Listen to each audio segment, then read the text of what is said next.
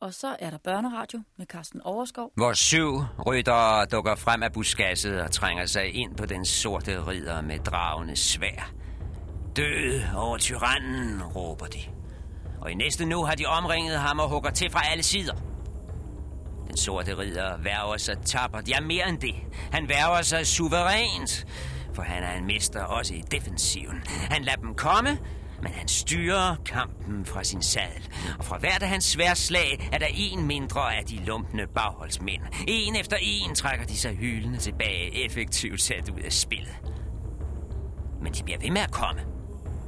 De sværmer om ham. Og den øde skov genlyder af vrinsk fra stejlende heste, og stålagtige drøn og svær slår mod svær.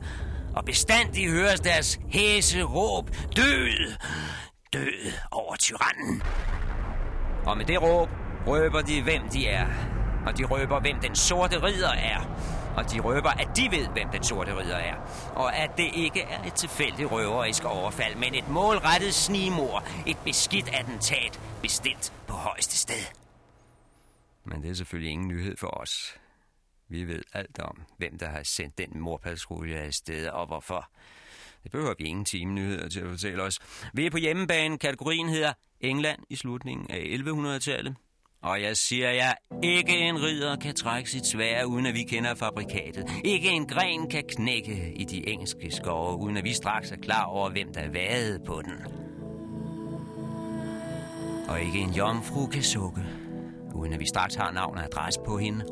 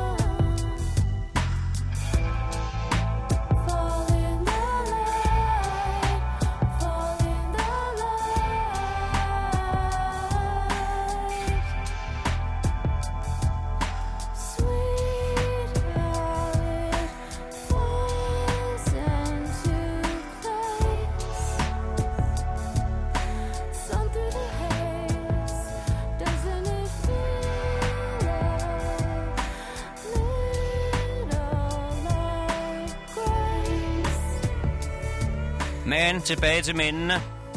Den sorte ridder, som vi forløbig kalder ham, han skal ryddes af vejen for enhver pris. Det er den ordre, de har fået. Og helst i en mørk og øde skov som her, hvor det kan ske diskret, uden øjenvidner. De skal gøre det af med ham, og ingen må vide, hvordan. Bortset fra skovens dyr. En rev måske. Måske et par ravne. Plus den sædvanlige halve million mennesker, der lytter med på P3. Den flipper man jo ikke for. Men herregud, det er først om 800 år. De spiller ingen rolle i engelsk realpolitik. Ikke her og nu, omkring år 1200. Livet skal leves, mens det står på. Og ikke med henblik på nogen tilfældige radiolytter i en eller anden fjern fremtid. Det gælder også for døden. Et ordentligt snimor skal foregå, mens offeret er i live, ellers kan det være det samme. Man kan ikke afblæse et gennemtænkt drab, bare fordi det kommer ud i radioen om 800 år. Så fik man jo aldrig udrettet noget. Om 800 år, til den tid er alle sager forældet, og ingen kan komme efter en. Til den tid har vi for længst høstet al den frugt, man kan nå i sit eget liv. Til den tid har vi vores på det tørre. Så kan de sige, hvad de vil. For eksempel dem, der sidder og hører P3 om 800 år. De kan mene, hvad de med om de midler, vi tog i anvendelse. De kan rynke på næsen lige så tosset de vil. Ærligt talt, hvad rager det også? Vi skriver snart 1200, kære venner. Det er her, det foregår. Det er nu, der skal leves. Og det er nu, der skal dræbes. Barske ord, men sande ord. Her kan man vælge at stå af, eller fortsætte ind i 24. del af Ivanhoe.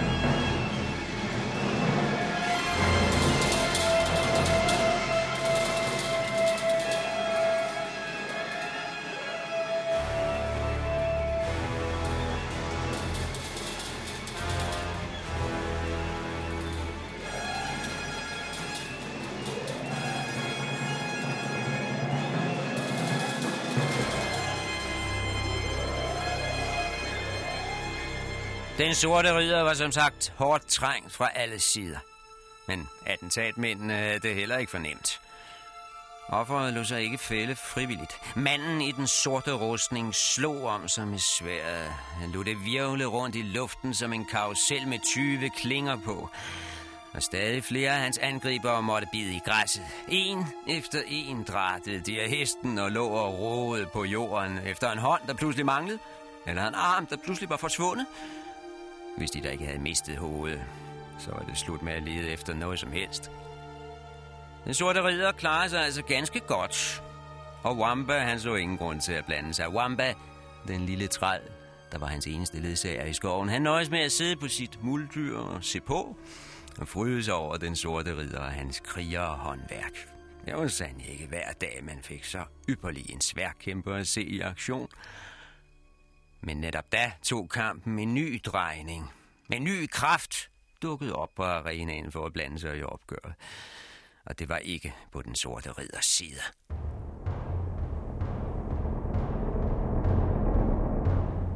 Der var nemlig en af snimorderne, deres leder åbenbart, der havde holdt sig tilbage indtil nu.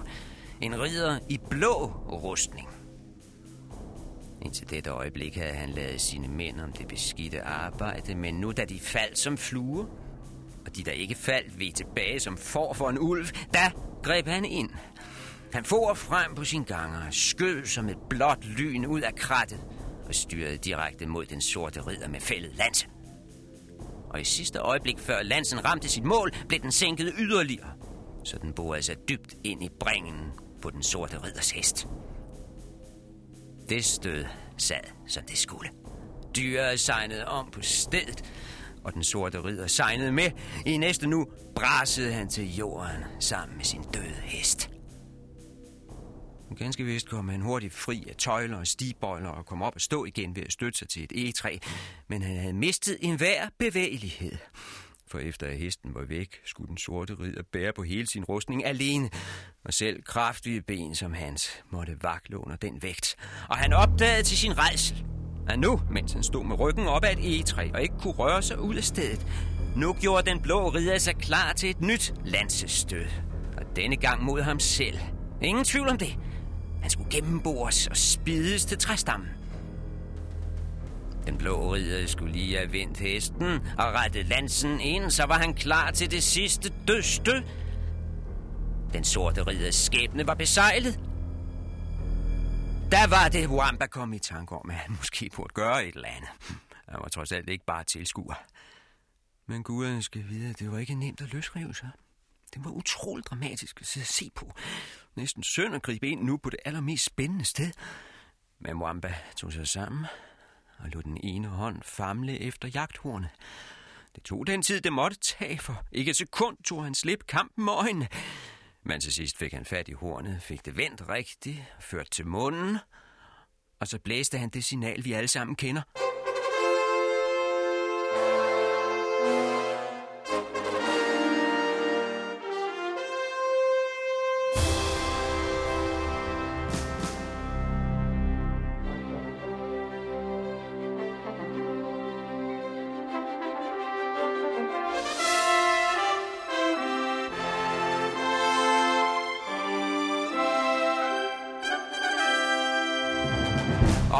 Næppe var hornet klinget ud, før det knasede i skovbunden og raslede i kvaset hele vejen rundt. Kviste knækkede i miles omkreds. Grene blev kvistet. Hele træer knagede fartroende, for nu kom de fredløse stormende fra alle sider, hidkaldt af Wampas signal. Og deres anfører sprang frem som den første, den grønne bueskytte, som vi kender så godt. Han så sig om, orienterede sig lynsnart om situationen, spændte langbuen, så det sang i strengen, og sendte en dødbringende pil mod den blå ridder og ramte hans hest i hjertet. Somebody shot me with their arrow. Somebody thinks that I can't see. But I've been wise to them.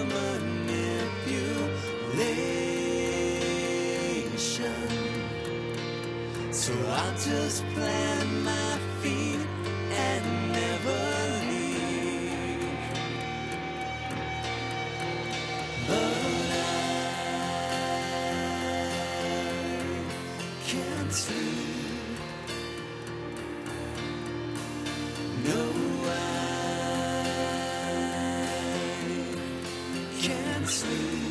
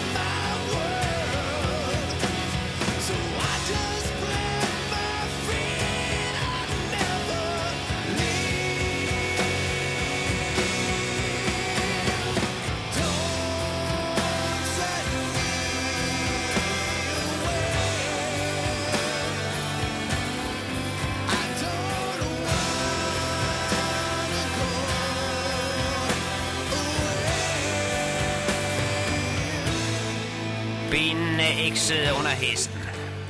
Sekundet efter faldt den død om, og den blå ridder trimlede efter, styrtede til jorden, magtesløs som en sæk gammelt jern.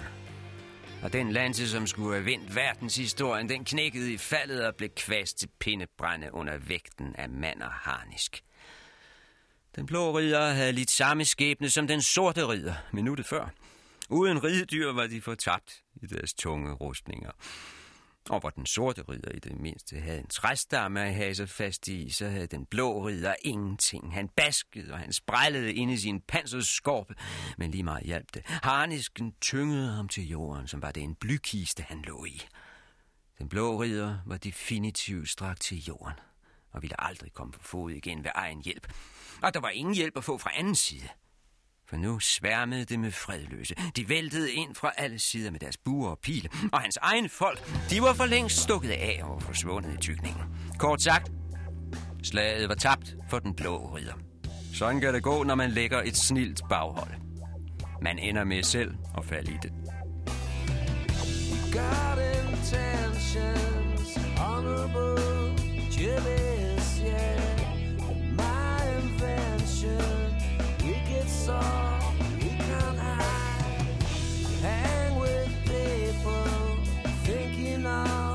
tell you so.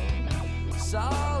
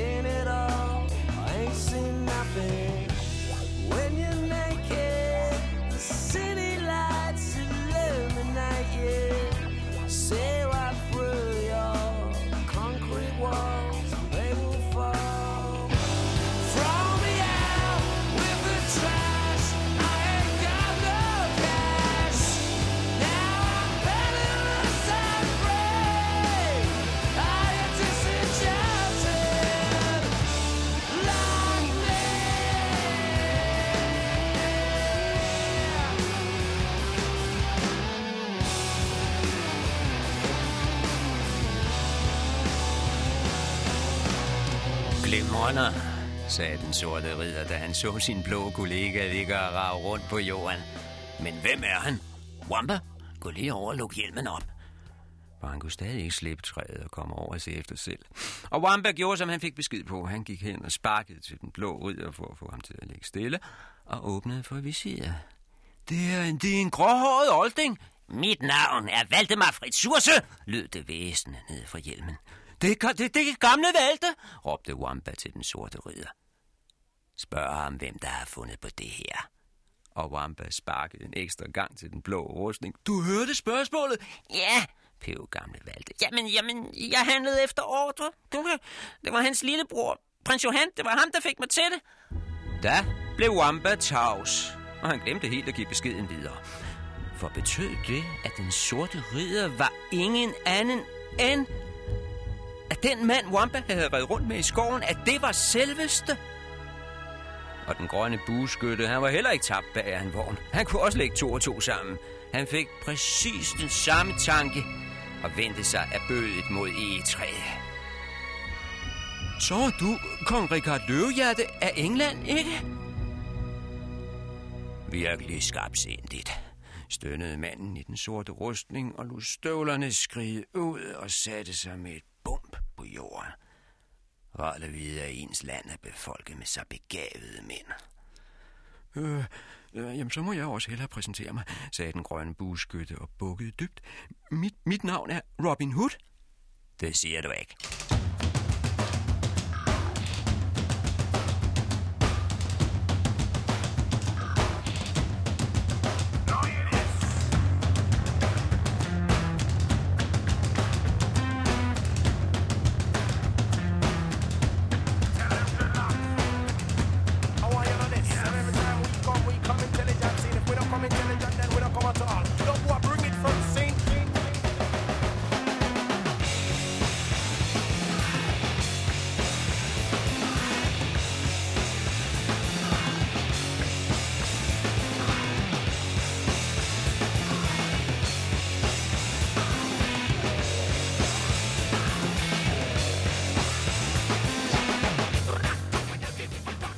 Afgørende punkt i historien, det her.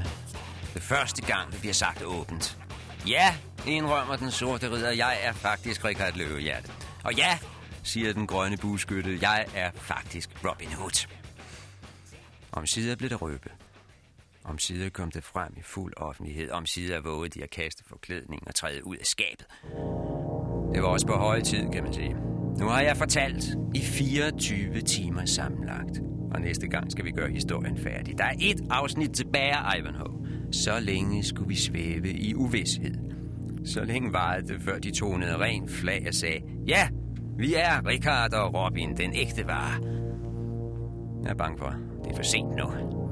Man kan gå rundt og holde på en hemmelighed, så længe at ingen gider høre på det, når man endelig løfter sløret. Nu skal I bare høre, siger man. I virkeligheden, så er jeg den kendte krybskytte fra Sherwoodskoven. Eller, nu skal I bare høre, jeg er i virkeligheden konge af England. Nå, og hvad så, siger folk, for de har fået helt andre ting at tænke på i mellemtiden. Sådan er det også her. Hvem gider interessere sig for konger og krybskytter nu? Vi er simpelthen for langt henne i historien. De kan ikke nå at komme ind og spille en rolle. De har forspildt deres chance. Det er helt andre personer, vi fokuserer på. Og det er et helt andet sted, tingene sker for alvor. Når vi vender tilbage om lidt, så har vi forladt denne død syge plet i skoven med ridder af forskellige farver, der ligger og flyder i græsset, mens de kæfter op i en uenighed og aldrig kommer videre. Lad os droppe dem. I næste scene er vi tilbage, hvor det virkelig foregår. I Tempelstøv, tempelriddernes borg, hvor de er ved at varme op til en hekseproces. En sag, der kan blive mere end hed for en bestemt ung dame, vi kender. En pige, der er betydeligt mere interessant end alle konger og krybskytter til sammen.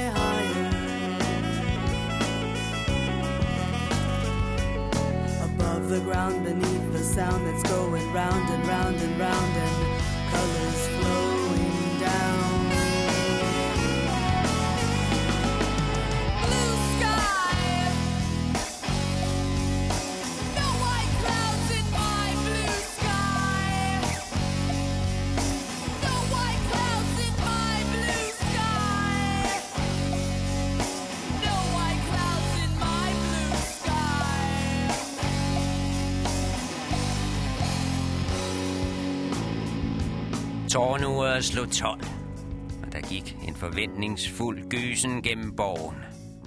Forhøret skulle starte midt på dagen, havde stormesteren bestemt. Og næppe var det sidste klokkeslag klinget ud, før der hørtes tunge tramp på trapperne. Fangevogteren var på vej for at hente Rebecca.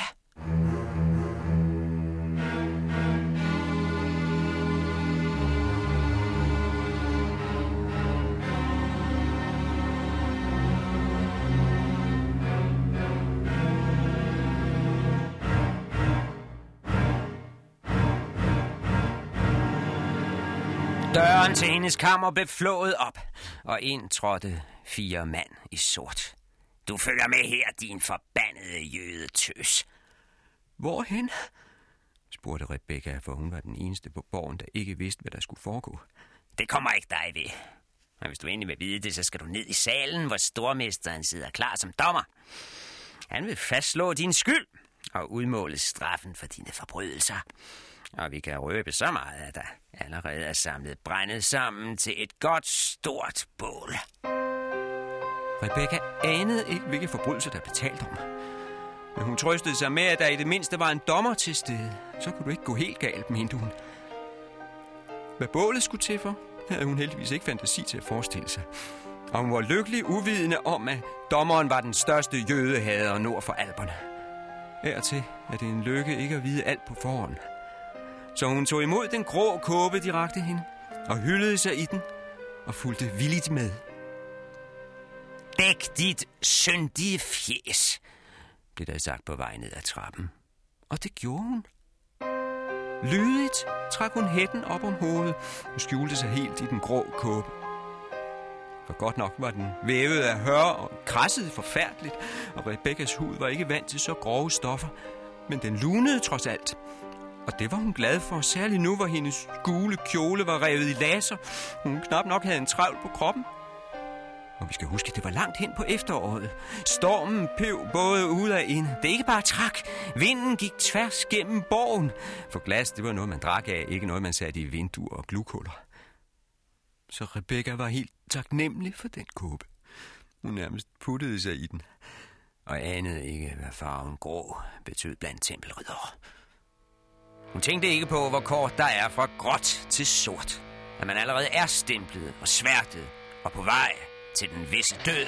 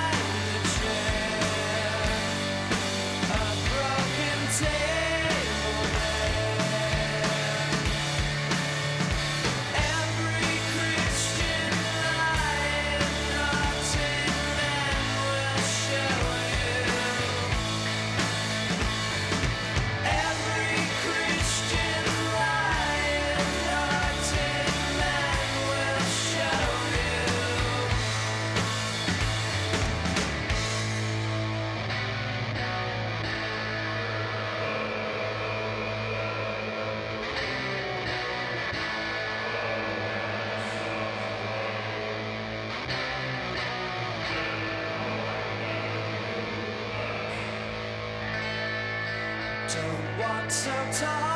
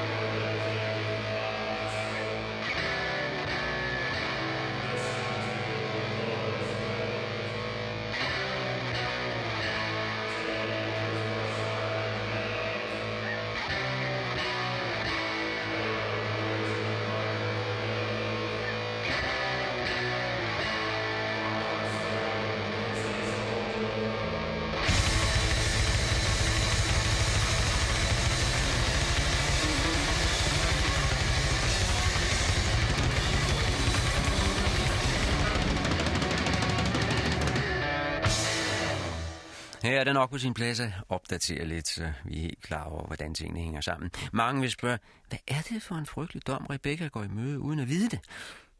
Her er svaret. Det kan gøres ganske kort. Det begyndte med, at Rebecca blev taget som gissel, sammen med Ivanhoe og anbragt på en anden borg. Det var slemt nok i sig selv. Men for at gøre ondt værre, var der en af gisseltagerne, der forelskede sig i hende undervejs, nemlig tempelridderen Bois-Gilbert. Og hun er absolut ikke forelsket i ham. Han har forsøgt sig med alt lige fra bønder til voldtægtsforsøg, men hun har afvist ham konsekvent. Da den anden borg så blev stormet, samtidig sat i brand, så var det ham, Borgilbert, der redde hende ud, eller hvad man skal kalde det, for hun fik ikke noget valg. Man kan også sige, at han bortførte Rebecca for anden gang og tog hende med hjem til sin ridderorden i Templestowe, altså der, hvor vi er nu. Hvad han ikke vidste var, at stormesteren var kommet på kontrolbesøg. Den meget, meget hellige herr Lukas, som er formand for hele Tempelridderorden. Og han er bestemt ikke meget for, at hans ridder har damer på værelse. Så Bois Gilbert må smule Rebecca ind og gemme hende i en afsides celle. Men så sker der det, at hendes far dukker op. Isaac, den gamle jøde fra York. Han ankommer til Templestowe for at finde en løsning med Bois Gilbert. Isaac han er villig til at betale, købe sin datter fri mod en større løsesum. Men han når aldrig at få talt med Bois Gilbert. Stormester Lukas lugter lunden, tager den gamle jøde i forhør og får sandheden ud af ham. Isaac bliver sendt hjem, og Lukas tager fat på en større straffeaktion. Altså temmelig indviklet allerede nu, men det bliver værre. Der er nemlig to, der skal straffes efter stormesterens mening. Både ridderen og Rebecca. Lukas er selvfølgelig rasende på Bois fordi han har en dame boende på borgen. Det er strengt forbudt inden for tempelridderorden. Han skal have en afklapsning, ingen tvivl om det. Men på den anden side, det skulle nødig gå ud over riddernes gode rygte. Så må ikke man kunne give Rebecca skylden? Må ikke det er hende, der har fristet Bois og lumsk lokket ham i begærets fæld? Man kender jo kvinder og deres uhemmede lyster. Må ikke det er hende, der er den virkelig skyldige? Jo, tænker Lukas, den tøs har ganske givet forhekset vores stakkels tempelridder og forgiftet hans sind med trolddom. Ja, hvem ved? Måske også hans krop. Hvem ved, hvad hun har hældt i ham? Hvem ved, hvilke hemmelige formler hun har benyttet sig af for at lokke ham på afveje? Så var hun ikke blot en forførende frister inde, men også en listig giftblanderske. Netop, tænker stormesteren. Det er sådan, sagen skal gribes an. En næse til Bourgilbert, og et heksebål til den lille jøde tøs, så skulle ansvaret være placeret. Dygtig mand. Der findes næppe den leder i hele verden, der ikke har taget ved lære af stormester Lukas. Han skiller lidt ud i sit eget hus for at vise, hvor myndig man er, og så går man ud i byen for at finde et lige at lægge på bordet. Krisestyring kaldes det. Lektion 1A i lederskab.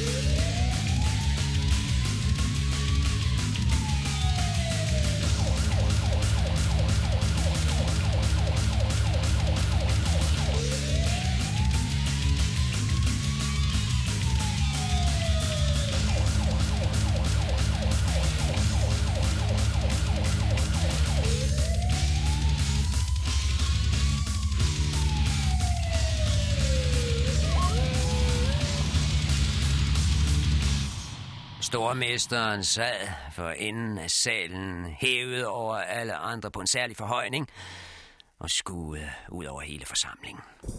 Han havde sin hvide kappe på. Det grå skæg var vasket til lejligheden og kæmmet, så det faldt perfekt ned over den sorte vams med sølvkrucifixet, der skinnede om kap med hans iskolde øjne. Og skulle nogen være i tvivl om, at det virkelig var stormesteren, der sad der, så behøver man blot se på staven i hans højre hånd. Den særlige ordensstav, som var skåret ud af Kristi kors. Ja, selveste det kors, som tempelridderne havde fundet i Jerusalem. Ingen tillod sig at fnise under den mands blik. Stormester Lukas beherskede alle blot ved sin tilstedeværelse. Og det skønt man stod som sild i en tønde. Riddersalen var fyldt til bristepunktet, for heksesager var obligatorisk for alle. Særligt når stormesteren var til stede. Han var jo formand for alle tempelridere i hele verden. Men må ikke, de var kommet alligevel hele denne vrimmel af ridder og væbner og svender, skriver og køkkenkale. Må ikke de var stillet op under alle omstændigheder. Nogen drevet af nysgerrighed. Hvordan må hun så ud, den pige, Borgilbert havde holdt gemt på borgen? Andre i håb om en rask lille hævn, for Borgilbert var ikke det mest populære blandt kollegerne. Det skulle blive helt rart at få ham ned med nakken for en gang skyld. Og så var der dem, der glædede sig til at se en kætter på bålet. Dem hvis største fryd er at se andre blive pint til døde. Den slags findes alle vegne.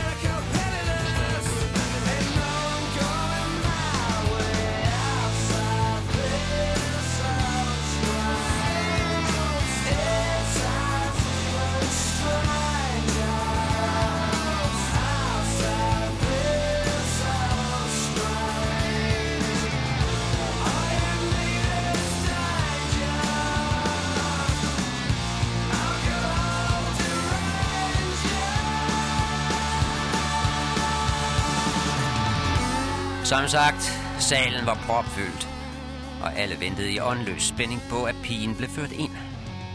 Jødehad, hævntørst, hellig ild og simpel sadisme. Der var følelser nok i forsamlingen. Men vi må først og fremmest huske, at det var mænd alle sammen. De fleste af dem glædede sig simpelthen til at opleve en pige, en rigtig levende kvinde, for man havde ikke set skyggen af et kvindemenneske på borgen siden stormester Lukas ankom og satte en stopper for alle fornøjelser. Kokkepigerne forsvandt fra den ene dag til den anden. Selv vaskekonerne var sendt hjem. Og der er grænser for, hvor længe en mand kan holde til det, selvom han er nok så helig og opslugt af sin riddergærning. Men ak, hvis de havde ventet at få en ung kvinde med alle hendes ynder at se, da Rebecca blev ført ind i salen, blev de dybt skuffet. Det kunne lige godt have været en svinehyrde eller en hønsedreng, skikkelsen var fuldstændig indhyllet i de skyldiges klædning. Den grå kåbe, som alle forbrydere måtte skjule deres skam i. Og her var det desværre ikke kun skammen, der var skjult, men hele pigebarnet for isse til fod. Man fik ikke så meget som et glimt af hendes hår, eller hendes hals, eller hendes hænder, end ikke næsetippen stak frem. Og det var selvfølgelig helt umuligt at bedømme kroppen som helhed. Dertil var kåben alt for stor og lasket, slet ikke syet til en spinkel skabning som hende. De kunne have spurgt Burgilbert. Han vidste bedre end nogen, hvad der dølgede sig under den grå kåbe. Han kendte Rebecca ind til mindste detalje. Men Burgilbert stod stiv som en støtte op ved forhøjningen, og så ud som om han aldrig mere skulle male et ord i dette liv. Og de fire vagter, der lige havde været op og hentet hende i cellen, de kunne også have fortalt et eller andet. Men de var lige så tavse som Burgilbert. De var ikke til at slå et ord af. Hvad end det nu var, fordi stormesteren holdt et vågent øje med dem, eller fordi de stadig var målløse efter det, de nåede at se, før hun fik kåben på. Det kan man kun gisne om. Kendskærningen er, at kun ganske få i salen vidste, hvad der egentlig skjulte sig under den kåbe. De havde stadig Rebecca til gode. De måtte nøjes med at fantasere. Selvom mænd kan forestille sig mangt meget i deres stilsind, særligt når de ikke har set en dame 14 dage i træk. Selvom deres tanker kredsede nok så meget om den kåbe. Og selvom der blev spekuleret, så det knagede og gættet vildt på, hvad der befandt sig inden under kåben, så rakte deres fantasi ikke. De kom ikke i nærheden af sandheden. Deres gætterier nåede hende ikke til sokkeholderne. End ikke hendes små, fine tær formåede de at forestille sig. De skulle snart erfare, at selv det vildeste drømmesyn kun var en fattig afglans af Rebecca i virkeligheden. And there's a girl in me. She visits this place. She hasn't seen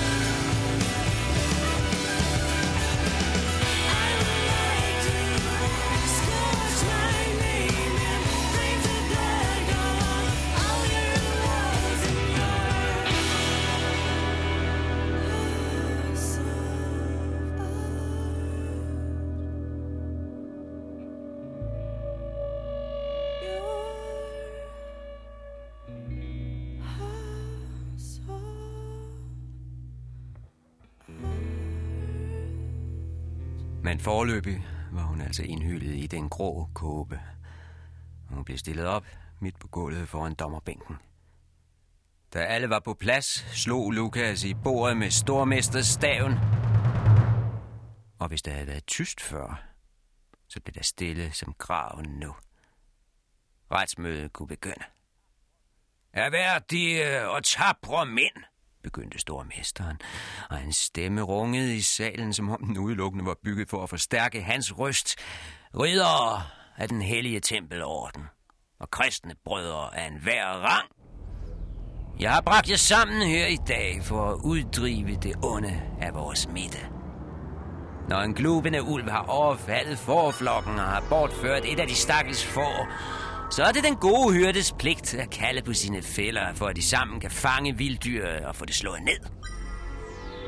Og vi har netop fanget et sådan vilddyr i dag.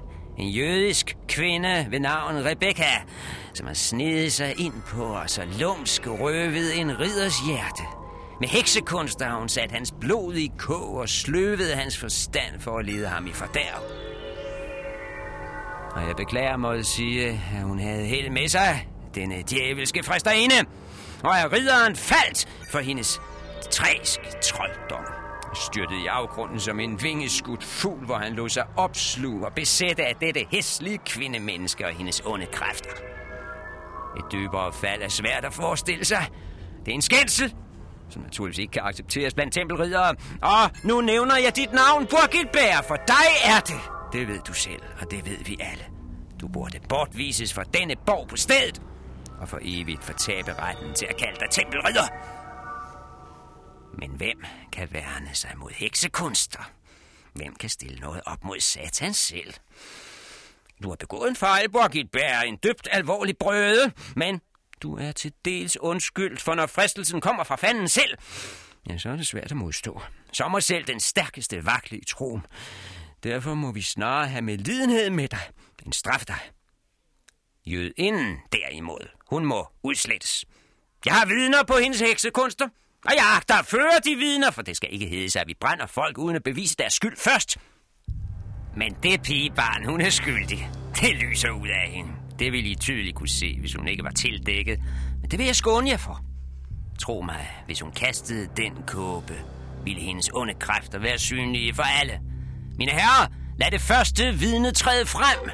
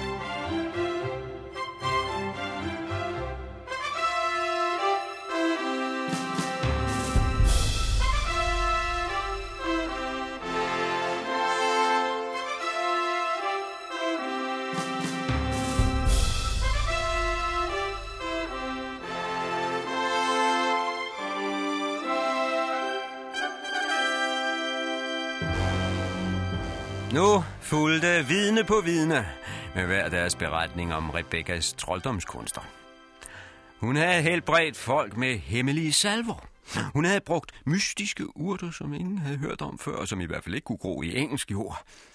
Hun havde skåret pilespidser ud af dræbte mænd, og få timer efter var de stået op for dødsleje som genfødte. Og så videre, så videre, så videre. Overflødigt at sige, at det var løgn alt sammen. Jeg vil nøjes med at nævne en af de mere fantasifulde af historierne. Det var et vidne, der fortalte, hvordan Rebecca engang lokkede Bois op i et tårn. Jo vist, jo vist, forsikrede vidne. Den stakkels ridder måtte halse efter hende som en tørstig hund. Han var som fortryllet. Han fulgte hende fra afsats til afsats, højere og højere, helt op til tårnets top og helt ud til brystværnet. Og netop som han troede, han kunne nå hende, steg hun op på kanten og forvandlede sig til en hvid svane og fløj bort. Det havde vidnet selv set. Hun svævede væk som en snehvid svane, og hun havde ovenkøbet den frækhed at flyve rundt om tårnet tre gange, mens Bois Gilbert stod der med tomme hænder og blødende hjerte. Når jeg nævner den historie, er det fordi, vi selv var til stede dengang i tårnet. Og det var ikke lige det, der skete. Men flot lød det, og man må jo virkelig håbe, at det vidne blev ordentligt betalt for sin præstation, og ikke bare den sædvanlige skilling, som de andre vidner blev spist af med ved bagdøren. Behøver jeg sige mere om den retssag? Det tog syv lange syv brede, og der er ingen grund til at gå i detaljer. Rebecca var selvfølgelig dømt på forhånd. Men herskertyper som Lukas, de lægger stor vægt på, at proceduren er i orden, at alting foregår efter bogen. Der skal være vidner og beviser. Alle regler skal følges til punkt og prikke, selvom beviserne er nogen, man selv har fabrikeret til lejligheden. Den anklagede skulle selvfølgelig også have lov at sige et par ord. Det manglede bare. Og det var så i det øjeblik, Rebecca kastede kåben. Det er ikke for meget sagt, at der gik et sug gennem salen.